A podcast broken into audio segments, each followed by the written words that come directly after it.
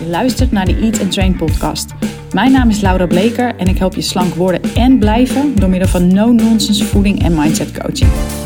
Laten we afscheid gaan nemen van je dieet mindset, zodat je trots op je lijf wordt en rust in je hoofd krijgt. Let's go! Podcast nummer 137. Stoppen met overeten. Hoe doe je dat? Goed dat je weer luistert. Ik hoop dat je een heerlijke zomer hebt gehad. Um, nou ja, we zitten er trouwens nog middenin. Het is begin september dat ik dit opneem en het is deze week snikheet. En ik weet dat niet iedereen het met me eens is, maar ik word er dolgelukkig van. Van die temperaturen waarbij je na het douchen um, je gewoon kan laten opdrogen zonder dat je het koud krijgt. Strand, korte broeken, zonnebrillen, slapen onder een lakentje, uh, lunchen onder een grote parasol, you name it. Um, maar goed, ik, uh, ik hoop dat je er ook zo over denkt. Misschien een paar graden minder zou lekker zijn. Uh, maar als het niet zo is en je denkt, oh, doe mij de herfst maar. Dan hoop ik dat dat niet is omdat je je lichaam wil verstoppen. En als dat het wel is, dan, uh, dan wil je sowieso tot het einde van deze podcast blijven luisteren. Want vandaag ga ik het met je hebben over stoppen met overeten en hoe je dat doet. Sinds deze week ben ik namelijk weer aan het werk. En uh, toen ik terugkwam en mijn mail en mijn Instagram DM bijwerkte, had ik wat berichten van vrouwen die de Train Your Brain Masterclass hebben gevolgd. En, direct, en die direct aan de slag waren met wat ik je daarin leer. En um, nou eigenlijk waren ze dus direct aan de slag met kijken, als ik het even heel kort samenvat, naar waarom ze eten. Omdat dat uh, de eerste stap is. Nou, mocht je nu even geen idee hebben waar ik het over heb, nog even in het super, super kort. Als jij nu zwaarder bent dan je wil zijn, dan komt dat niet omdat je at toen honger had. En het komt ook niet omdat je niet weet wat gezond eten is. Het komt omdat je te vaak eet en hebt gegeten, terwijl je lichaam helemaal nergens om vraagt. En ik stel dat zolang je dat niet oplost, zolang je die shit niet oplost, is het niet de vraag of je aankomt, of je weer aankomt, maar wanneer. Ja, en uh, meteen een goede reden dat zou trouwens een andere podcast zijn, om niet, nu het september is en ergens de komende weken de barbecues, et cetera, echt over zijn, strikt op dieet te gaan. Ik weet dat um, september voor veel vrouwen echt een soort als, als een nieuw begin voelt. Um, maar laat je niet verleiden door allerlei dieetprogramma's die nu overal de kop opsteken, et cetera. Ja, nou, in die masterclass geef ik je dus de zes stappen die je moet volgen om die shit op te lossen. En dat zijn de zes exacte stappen die ik ook bij mijn cliënten doorloop in mijn programma's maar dan super uitgebreid. Ja, met die masterclass kun je echt al super goed zelf aan de slag. Ik kreeg echt vandaag nog een berichtje met iemand die al 15 kilo daarmee is afgevallen. Uh, en ik krijg wekelijks berichtjes van vrouwen die daar echt al mega verschil mee maken. Maar het is natuurlijk niet gek dat je nog tegen dingen aanloopt als je het helemaal alleen doet en als je geen vragen kunt stellen. Nou ja, dat kan uh, zo nu en dan dus wel, want ik maak dus nu deze podcast. Um, maar zo werkt het. Het is natuurlijk niet zo dat je mij gewoon een non-stop berichtjes kan sturen en dingen kan vragen. Maar ik zal één vraag die me is opgevallen de afgelopen dagen. Die, uh, die zal ik eruit pakken, omdat ik denk dat het voor veel luisteraars herkenbaar is. En ik ga hem eerst even voorlezen. En dit is: Hoi Laura, wat lief dat je ernaar vraagt. Dat is omdat ik vaak een mail stuur naar vrouwen die de podcast gedownload hebben of de masterclass hebben gekeken. En dan vraag ik even: hey, hoe gaat het? Um, en, en deze dame zegt: afvallen is nog een ver van mijn bedshow.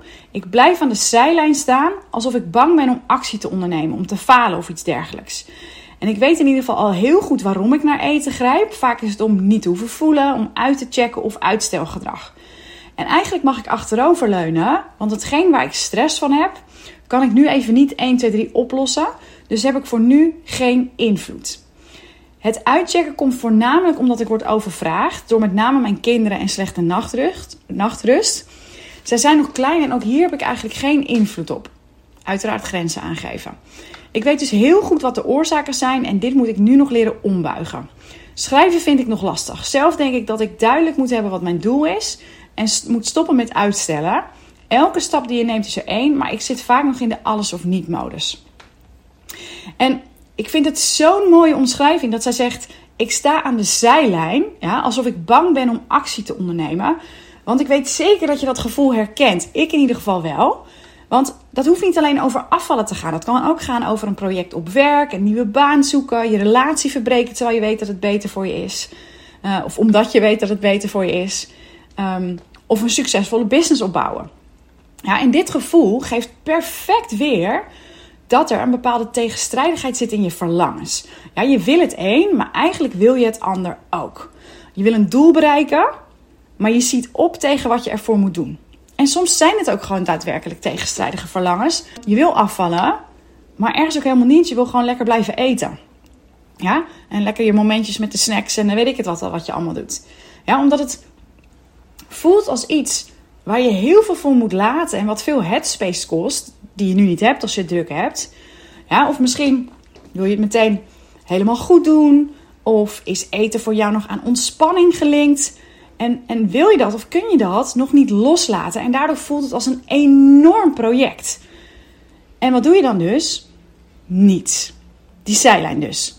Ja, je wil iets veranderen. De situatie nu doet je pijn. Je verlangt naar iets anders. Je ware zelf, of wat ik noem je bewuste zelf, die wil verder, die wil meer. Maar de old you, je oerbrein, je stemmetje, je nel, hè, die er nul baat bij heeft om jou verder te helpen of om je gelukkiger te maken. Maar alles hè, te maken heeft met gevaar vermijden op basis van eerdere gebeurtenissen en ervaringen. Dat, dat deel van je brein die maakt dat jij blijft doen wat je altijd deed. Ja, jouw brein maakt een proces efficiënt en wil het, zo snel, wil het op die manier blijven doen.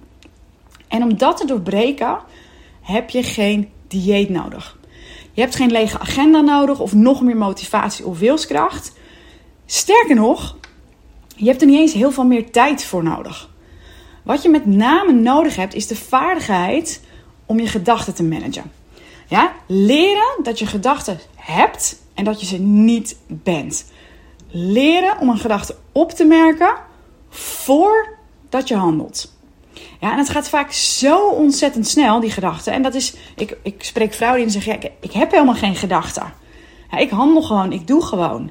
Maar dat is alleen maar een teken dat het zo ontzettend snel gaat. En dat is helemaal geen teken dat jij het niet kan als jij dit ook hebt. Dat je denkt, ja, gedachten, ja, die heb ik helemaal niet. Is geen, als, je, als je denkt, het gaat allemaal zo snel, ik heb die gedachten niet. Nogmaals, is geen teken dat jij het niet kan of dat je moet opgeven als het je niet lukt. Het is alleen maar een teken dat jij een ontzettend sterk brein hebt dat precies doet wat het moet doen. Maar zodra je je bewust gaat worden van je patronen, hè, dus wanneer je opmerkt, wanneer je de dingen waarmee je jezelf in de weg zit, jezelf saboteert, wanneer je die doet, dan kun je mega stappen gaan maken. Ja, en alleen, echt alleen vanuit bewustwording kun je nieuw en gewenst gedrag gaan inzetten. Want als jij je niet bewust bent, als jij niet weet dat je iets doet, valt het pas achteraf dan, hé, hey, daar heb ik het weer gedaan. Dan kun je iets niet veranderen. Ja, en dit, dat stuk bewustwording en dingen veranderen, dat is niet als een knop omzetten. Ik hoor dat zo vaak, moet gewoon weer even de knop omzetten. Maar die knop bestaat helemaal niet. Was het maar waar dat er een knop was. Ja, het is een vaardigheid, geen knop. En ik vergelijk het soms wel eens met een nieuw computerprogramma leren op je werk. Dat gaat ook niet in één keer goed. Ja, je hebt er commitment voor nodig nou, dat zeg ik een verkeerde intonatie. Je hebt er commitment voor nodig. Want we kennen allemaal die collega die steeds, althans ik heb heel lang op kantoor gewerkt, uh, die ene collega die toch alles op de oude manier blijft doen. Omdat dat sneller is, omdat die weet hoe dat werkt. Ja, zo leer je nooit hoe het systeem werkt, Frans. nou, heel flauw. Maar wat als het nou niet in één keer goed hoeft te gaan? Ja, als je dat mega project, waar je nu naar kijkt en waarvan je denkt, jezus, hoe ga ik daar in hemelsnaam aan beginnen met alles wat ik nog moet doen elke dag? als je dat eens zou omdenken. Wat, zo, sorry.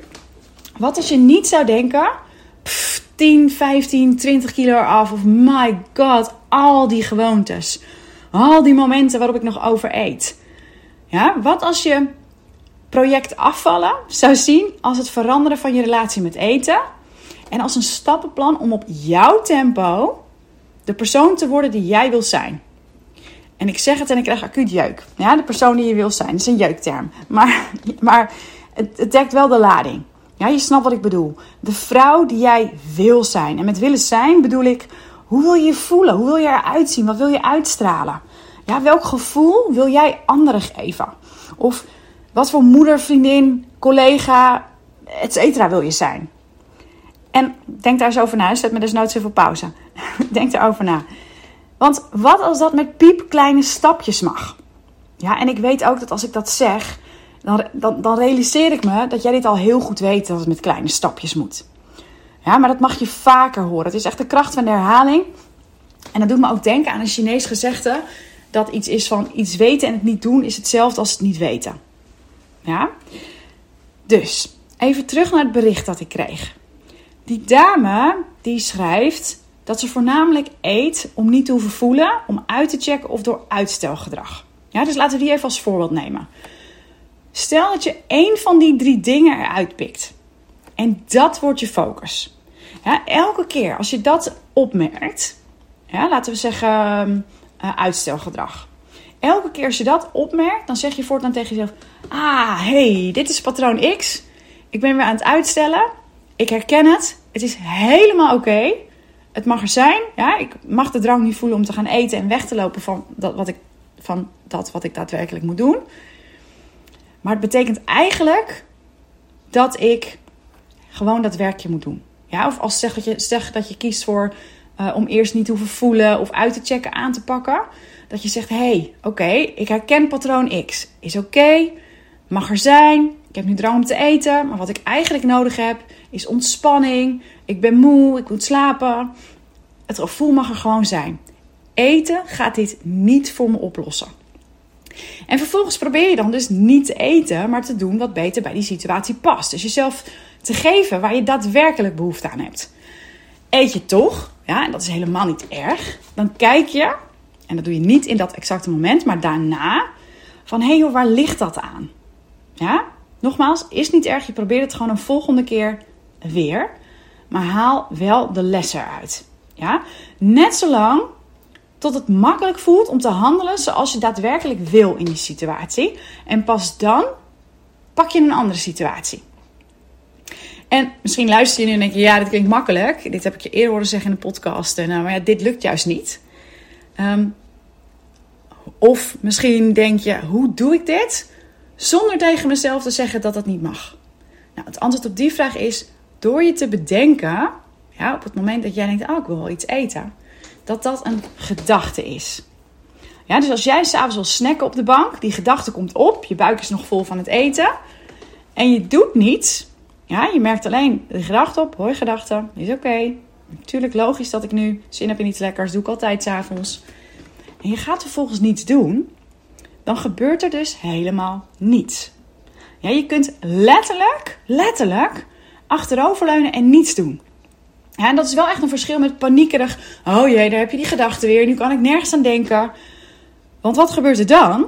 Ja, dan kun je daadwerkelijk nergens anders aan denken. En dan blijft je brein schreeuwen. En dan ligt de valken van, ah, ik geef maar toe, want daar ben ik er vanaf. Die ligt dan op de loer. En als je toegeeft en dat lekkere gevoel dat je dan krijgt, dat komt niet door dat eten. Dat komt omdat jouw brein om dopamine schreeuwde.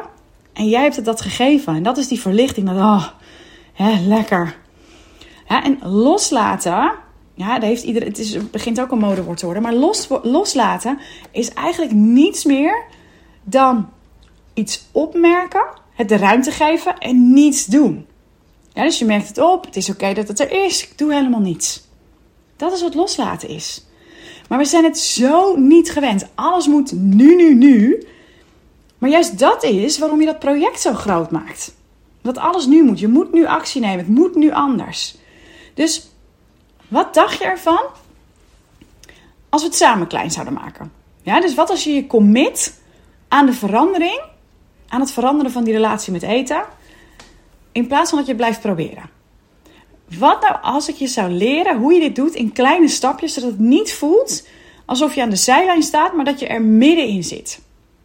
Want los van dat ik je nu wat tips heb gegeven over hoe je het zelf kan aanpakken, eind september begint er weer een nieuwe transformatiegroep. En iedereen die op de wachtlijst staat, dat klinkt heel spannend, maar is eigenlijk gewoon een soort interesselijst. Die krijgt aankomend weekend al, en het is heel kort dag, want deze podcast gaat op een donderdag live. Ehm, een mega super deal in, ehm, in haar inbox. En dat is super kort dag, maar ik heb het vaker genoemd al in de podcast de afgelopen periode en in mails en op Instagram. Ehm, maar de mensen die op die wachtlijst staan, die mogen zich als eerste aanmelden.